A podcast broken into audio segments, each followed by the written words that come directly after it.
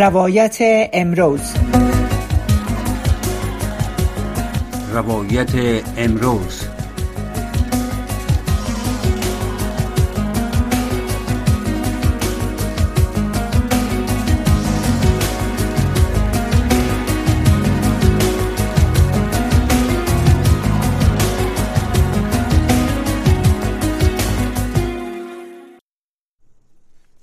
شنونده های گرامی سلام و برنامه روایت امروز از رادیو آشنا صدای امریکا خوش آمدید.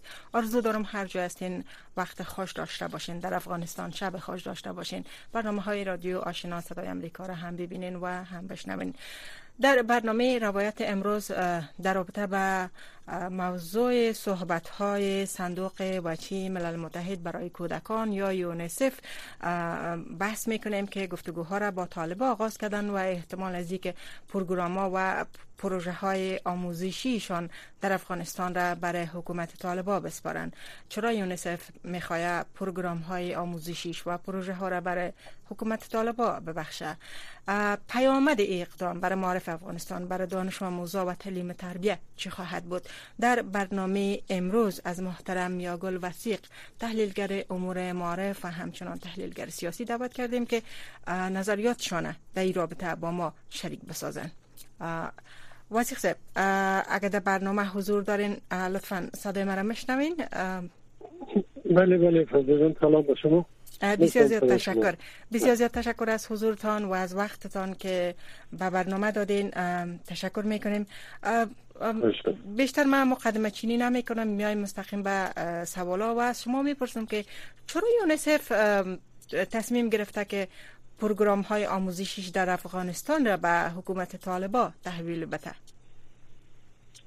متشکر من فکر می‌کنم از یک طرف چون طالبا در مجموع نسبت به مسائل آموزشی خصوصا در مسائل ساینسی امروز بسیار علاقه من نیستن و محدودیت را خصوصا در بخش خانما وضع کردن و سایر محدودیت هایی که وجود داره. این یک از یک طرف یک فشار مسلمانان طالبا که شما نمی‌تونیم بنان این پروژه را ما نمی‌تونیم پیش ببریم و یا محدودیت هایی که وجود داره چند قبل شما می‌بینیم که حتی خانمون که در ادارات ملل متحد بود. هایی را وضع کردن که نمی‌تونن به اینجا فعالیت داشته باشند می‌بینی این محدودیت ها همه نسبت سهم داره. بالاخره ناگزیر ساخته. ولی این رای منطقی فکر می‌کنم نخواد بود که بگذارن چرا از یک طرف ظرفیت لازم وجود نداره که این کار بکنه و از طرف دیگه برای اطفال برای مکاتب. خاصتا برای دختر خانم یک نیاز است یک ضرورت است و این نباید به این شکل به چیز سپرده می‌شد و طالبا اگر طالبا در این رابطه تعهدات هم سپرده باشه که تواناییش دارن یا دارنی راستا کارهای لازم می‌کنن. حتی اون مکلفات های اساسی و اصلیشان بخش معارف است. خصوصا در رابطه با دختر خانم ها مزیت های رو وضع کردن. موضوع خو یک گپ اضافی سال اگر مسائل پروژه و مصارفه که در سال چون مصارف در دیگه تا طالبا مصرف کنه و برای برای برای معارف فکر نکنه می‌تونه چیز کمکی باشه. واسیق صاحب شما فکر می‌کنین که یونیسف این تصمیم زیر کدام فشار از سوی طالبا گرفته باشه؟ چون یونیسف یکی از مسئولیتاش همیست که در کشورهای چون افغانستان رسیدگی کنه به آموزش و پرورش و کودکایی که دسترسی ندارن به آموزش و این مسئله در افغانستان خیلی حاد هم است. خدمت شما می‌فهمین یونیسف تازه به افغانستان نامده در بیشتر از افتاد سال است فکر می‌کنم که یونیسف در افغانستان همکاری شده و معارف و این وقتی که می‌بینن که معارف با اون محدودیت چیز شده. به اصطلاح مواجه شده که از یک طرف خانمان از یک طرف دیگه دیدن که مکاتب آموزش صرف اختصاص شد فقط بیشتر تمرکز و مسائل دینی تعلیمات دینی که خود همه مسلمان هستن. هستیم و دوز هر کس علاقه من است که بیاموزد. ولی مزامین اختصاص داره شده بود. ایراستا که اون مزامین فکر می‌کنم کفایت می‌کرد. و سایر علوم اصلی را باید آموخت. بنان از یک طرف این محدودیت که دیدن که طالبا در ایراستا یعنی چیز نیستن بسیار علاقه من نیستن این خودش یک مقدار فکر می‌کنم یونیسف به علاقه ساخت که این کار بکنه و دیگه که همین که محدودیت های را سر ادارات بیرونی به شکل از اشکال کردن یونیسف هم دیگه وقتی که نتونه فعالیت بکنه فعالیتی که لازم است بطور طبیعی باید دست برای ممرد من مطمئن که یونیسف هم درک داره که حاکمیت فعلی یعنی از لحاظ تعلیم تربیه و یپا از یک طرف علاقمندی و از یک طرف ظرفیت لازم بنام یک مشکل از کل می‌تونه فشار باشه که این مجبور شده باشه که واگذار کنه. یعنی واگذار کردن به این مفهوم نیست که گویا یا می‌تونن این کار بکنن. با یقین که عملکردشان نشان میده که نه تنها نمی‌تونن بلکه کاملا امون امکانات که وجود داشته یا ظرفیت هایی که بوده او را به کار نانداختن خصوصا بخش معارف بسیار امکانات وسیع بود که وقتا دیر کار باید می‌شد. در ما بسیار با ارزش بود یعنی چیز می‌تونه یک فشاری کار کرده باشه و شما که سالها در معارف البته تجربه دارین بنیانگذار بودین و کارهای زیادی در بخش معارف کردین تجربه های وسیع دارین و شما یادآوری کردین که 70 سال است یونیسف در افغانستان فعالیت داره و به تازه در این کشور آمده شما چه فکر می‌کنین؟ چقدر امی اقدام یونیسف به خاطر تحویل دهی تمام پروژه های آموزشیش به طالبان چقدر نگران کننده یا جدی است؟ روزی شما می‌خوانیم که بنیاد هر جامعه را اگر شما می‌خواین جامعه پیشرفت بکنه و پا ایستاد شود ساخته شود خصوصا جامعه اقتصادمانده همون به اصطلاح گذشته جان سیوم تمرکز اصلی و اساسی باید در بخش تعلیم کرده شد تا یک سطح آگاهی بلند بره هرگاه آگاهی لازم پیدا شد من مطمئن هستم که خود مردم استفاده می‌کنه که چطور بتونن جامعه شان بکنن یک بادخانی خصوصا در بخش دختر خانما که دختر خانما شما می‌دونید که زن بنیاد جامعه است. باید فامیل جامعه کوچک است ولی فامیل است که بالاخره جامعه بزرگ تشکیل میده. بنیاد فامیل زن است زن می‌تونه زن آگاه زن با تعلیم و تحصیل می‌تونه فرزندهای آزاده و آگاه و متمدن بار بیاره بنابراین اینی ظلم و ناروا است هرگاه برای چیز سپرده شده برای طالبا که در این راستا توجه لازم نکردن معمول شما می‌دونیم که نتنان نکردن که مکاتب اکثر مکاتب به مدرسه های دینی تبدیل من مخالف مدرسه دینی نیستم. ولی من میگم که علوم اصلی علوم علوم سیاسی باید تدریس شود. این تدریس بودن ما هیچ کاری کرده نمی‌کنیم. بنان ما از هر چیز کرده ضرورت داریم که به ما کار اساسی شود. امروز ولو تعلیمای بین ساخته شود کسر اطلاعی ساخته شود شخص ویران میشه اما انسان ها اگر آگاهیشان بلند است و انسان ها درکشان بلند است. باز این زود تخریب نمیشه از بین نمیره این باز به طرف ساختن. بنان این یک اشتباه خود بود که سپردن این بخش ها یا پروژه برای حاکمیت فیلی که چندان علاقه به معارف ندارن و به بحانه مختلف دو سال است یک خلای معنوی سوزنده به وجود آمد. دردناک به وجود آمد. اینی را هیچ کس جبران کرده نمی‌تونه. یک روز جبران نمیشه. چی رسد به ای که ما ما دو سال یا بیشتر از این جگان بکنیم؟ فکر می‌کنم هندوستان بود که سرزنش عمل دقیق نیست. گفتم که اگر ما مردم به خاطر مردیم یک روزم چیز رخصت نکنیم. مکاتب رخصت نکنیم که مرد اطفال ما از مکتب میمونه از تعلیم و درس و یعنی یک تاثیر منفی در آگوی حال ما سالهایی را به بحانهای مختلف چطور ممکن است که در دو سال یک کرکولم درسی ولی یک تغییرات دو بیارن اصلاح نشد یعنی منظور است که مردم نباید آگاهی داشته باشه نباید فهم بلند داشته باشه. به اون خاطر واخو نمی‌کنه اگر دنیا هم در این راستا کمکاری می‌کنه متاسفانه یک جفاست. در حق اطفال افغانستان و در مجموع افغانستان. تشکر بسیار زیاد با شما از مدارس دینی یاد کردین. اگرچه به خاطر عدم دسترسی به اطلاعات ارقام درستی از شمار مدارسی که تازه در افغانستان در سراسر کشور ایجاد شده در دست نیست اما گزارش های ناتایید شده از افزایش به حد ایجاد معارف در افغانستان حکایت می‌کنه. به نظر شما تمرکز بیش از حد روی ایجاد مدارس و سوق دادن بودیجه روی مدارس چقدر وزنه امی وزنه یا بلنس یا توازن بر هم می‌زنه بین علوم دینی و علوم ساینسی که شما طرفدار از او بسیار هستین و یادآوری کردین که پس پسمان شدن از این علوم تاثیرات بسیار جدی خواهد داشت. به نظرتون این این مسئله چقدر توازن بر هم خواهد زد؟ نگرانی شما چیز در این مورد این نگرانی نتانه از من بلکه از مجموع جامعه افغانی کسی که با وطن با انسان وطن با, تمدن فکر می‌کنه و پیشرفت فکر می‌کنه.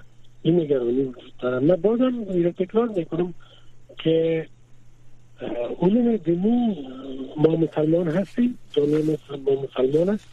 هر کدام علاقمند هستن تا رابطه با مسائل دینی یک چیزی باید بفهمند. در کنار علوم عصریه و مسائل ساینسی علوم ساینسی را باید بفهمند. ولی گپ اساسی است که توجه با مکتب نمیشه ولی با علوم دینی با مدرسه دینی میشه. باشه مدرسه دینی هم باشه ولی چقدر آیا عمل شما میسنید اکثرا گفته میشه که این حتی دول سوالی ها چیز مدارس دینی چندین مدارس دینی دول سوالی ساخته میشه و افتتاح میشه. اینی من میگم که در کنار علوم دینی یا مدارس دینی یعنی مکاتبه که علوم اصلی در درس میده یه هم باید توجه جدی برش می‌شد و یه هم باید چیز نشد تقویه نشد که دیگه هم بیشتر و خوبتر و بیشترین ما برای مو معلمین می‌داد که در عرصه کار نکرد تا که ما ما کاروان تمدن یک جا شویم تا که ما از دنیا پس نمانیم تا که ما بسازیم توانمندی ساختن جامعه خود داشته باشیم.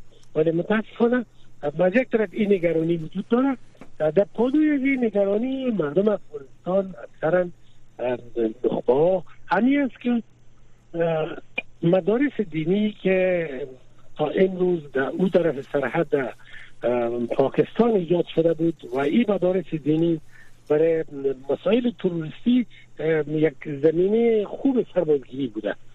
که نمیشه خدای نخواسته که در افغانستان این موضوع تکرار شود و از علوم اصلی و ساینسی فرزندهای وطن دور بمانم و تاریک بمانم و یا اکثرا به این راستا تشویق نشد که اگر این کار شد ما مطمئن هستم که ما علوم اصلی را که بگیریم علوم که بکشیم تنها همین مسئله باشه.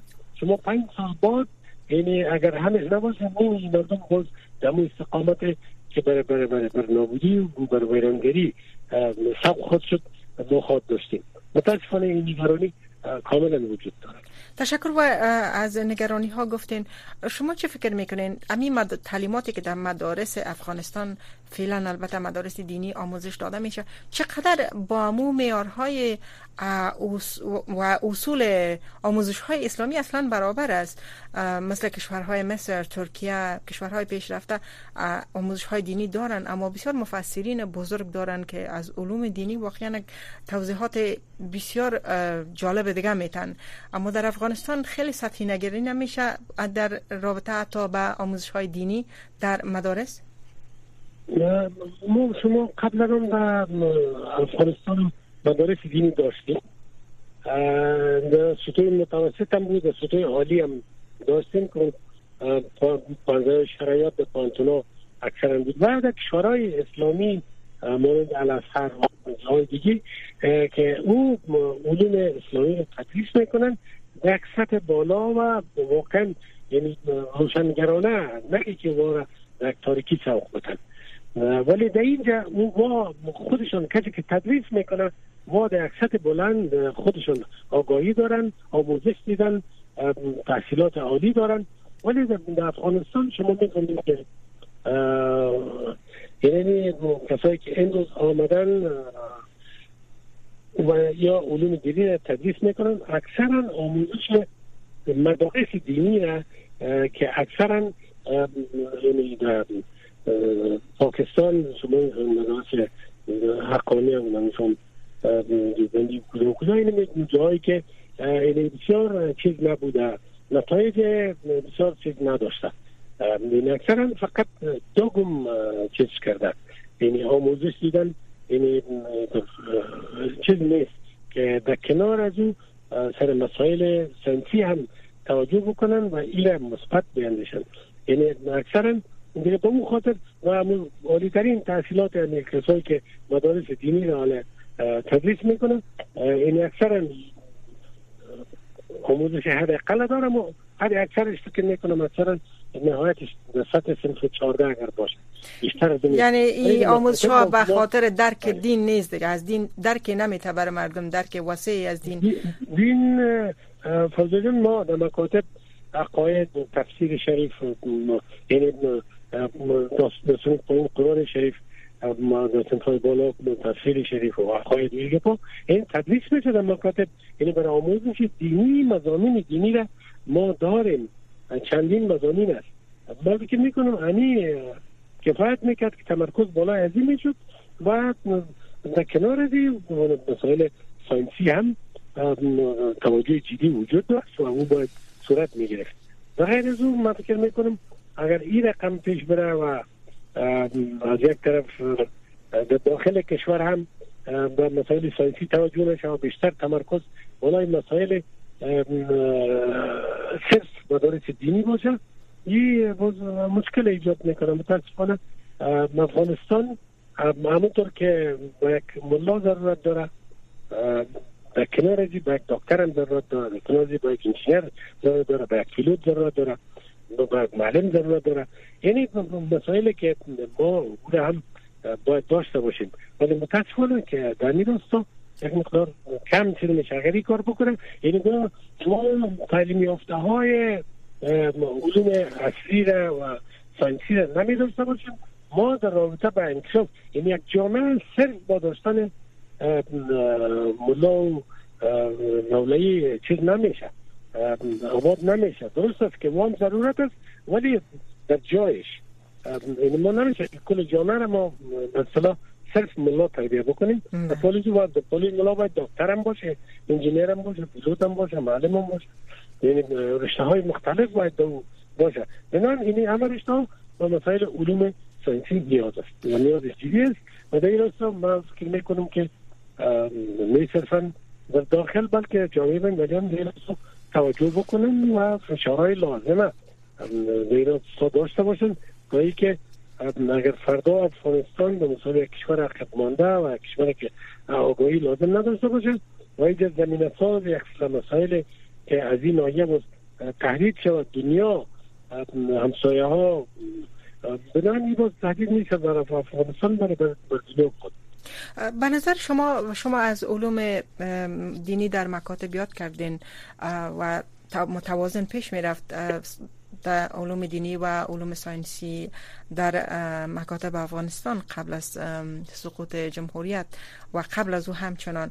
شما چه فکر می‌کنین؟ آیا طالبا به آموزش علوم مدرن باور ندارن یا درک نمی‌کنن نیاز علوم مدرن یا با این مسئله کاملا برخورد سیاسی می‌کنن؟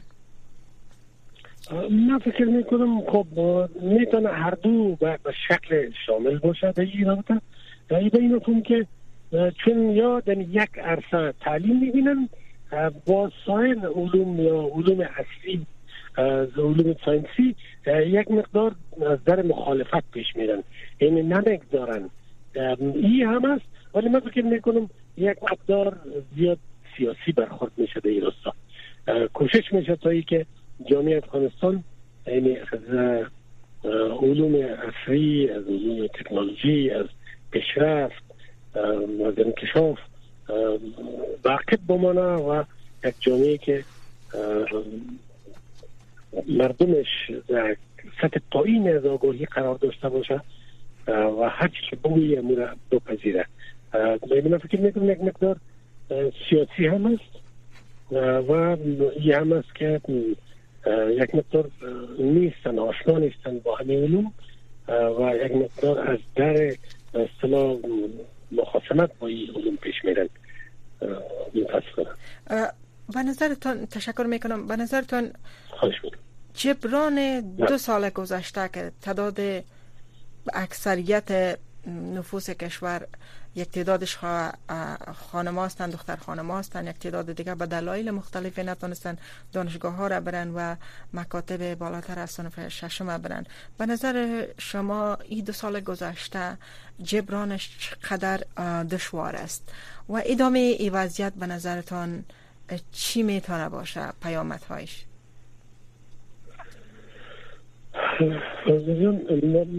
همونطور که پیشترم ما اشاره کردیم کابل شما دیده بودین در جنگ ها و ایران شده بود. بله. ولی ولی سال بعد شما دیدیم که طی چهار پنج سال نهایت ده سال کابل چرا ایواز کرد؟ یک چیزی کاملا جدید.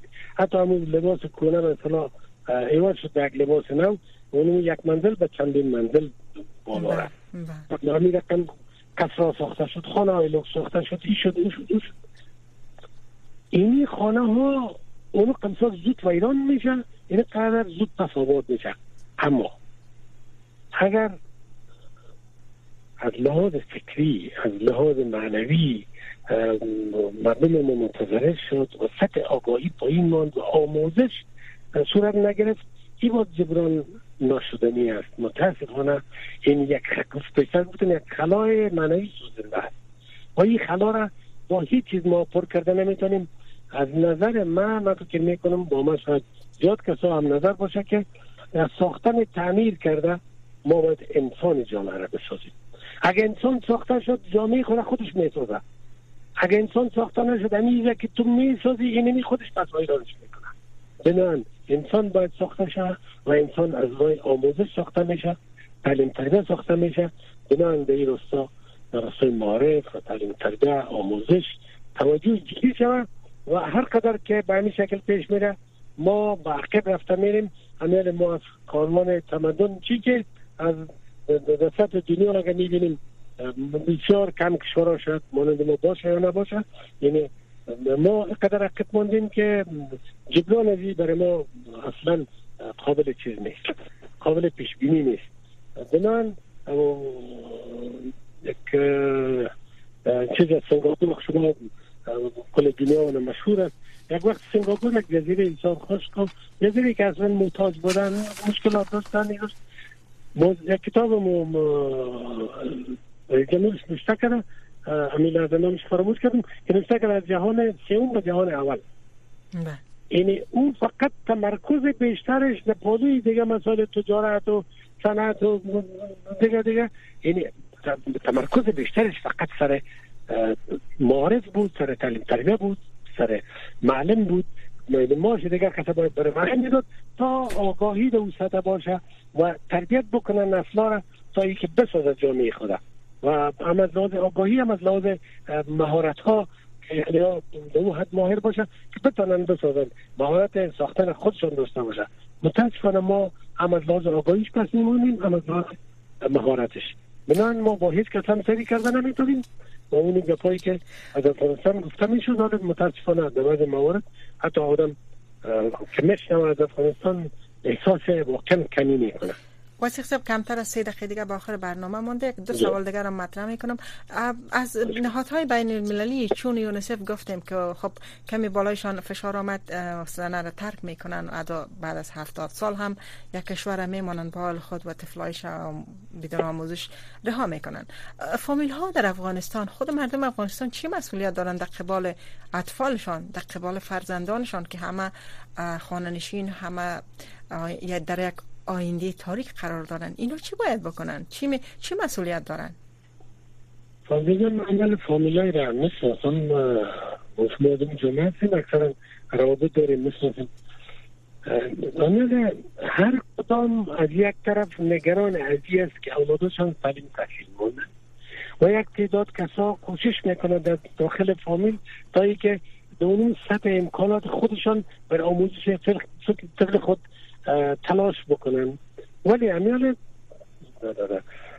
افغانستان کسایی است که نان خوردن خود نداره چطور می‌تونه زمینه برای چون موضوع کار و اشتغال و پا هم محدودیت های وجود داره. وقتی که نان خوردن خود نداره چطور می‌تونه؟ اول چقدر فکر آرام داره؟ و پلیس چقدر امکانات داره که وسایل آماده کنه تا ای که اولادش از تعلیم باز نمانه بنان نگرانه خودم دارن مطمئنا هر فامیل و دستوی مختلف متعلیمین که از مکاتب باز موندن خصوصا دختران. ولی در پالی نگران امکاناتش هم ندارن. این یک ناامیدی متاسفانه سراپای جامعه در راستای معارف چیز کرده اشغال کرده این امیدی مسلط شده. و این مکلفت های صرفا اون فامیلا درست است بر اولاد خود دل می‌تونه ولی مکلفت های چیز هم است. جامعه جهانی و این راستا که این به تفاوت نمانند و نگذارن جامعه را به دست کسایی که تشکر. و آخرین سوال من که یک دقیقه دیگه وقت داریم. اگر شما پیشنهاد داشته باشین به سازمان ملل متحد یا نهادهای مثل یونسف در رابطه به آموزش در افغانستان و وضعیت کنونی امی تحویل دهی چون این برنامه ها به حکومت طالبان پیشنهاد شما چی خواهد بود؟ دمیجه اگر نظریاتتان پرسیده شود یا از امیجا بخواین از طریق ما از طریق برنامه روایت امروز نظرتان بین پیشنهاد شما به می سازمان ها چیست؟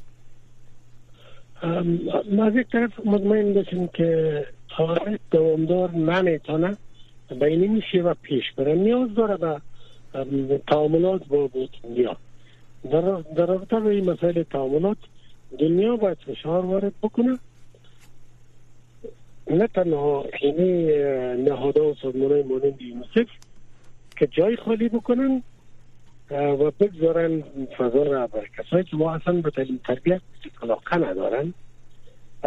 در پالیزی باید فشارهای را وارد بکنن ناگزیر بسازن که در راستای معارف و تعلیم تربیت کارهای لازمه باید بکنن و از این بیشتر دیگه مردم افغانستان زجر ندن و از یک طرف به اون مردم در که ما باوریستم که بسیار خواندن هم نیولی در پولی ازی. زمینه را برای برای برای برای مثلا سربازگیری های بعدی مساعد بله. هر قدر جامعه در جهالت باقی بمونه اما قدر زود متاسفانه بود تشکر. تشکر از شما محترم میاگل وسیق. از حضورتان در برنامه و از تحلیلتان متاسفانه سوالات بیشتری را نمی‌تونیم با شما مطرح کنیم چون وقت برنامه روایت امروز ختم شد. از شما و همه شنونده هایی که برنامه را دیدن و شنیدن سپاسگزار هستیم. برنامه های دیگر رادیو آشنا صدای امریکا همچنان ادامه داره. باز هم در یک ساعت بعدی میزبانتان در برنامه صدای شما خواهیم بود. با ما باشین. از مهمان برنامه ما سپاسگزار هستیم و با خیرستان خوش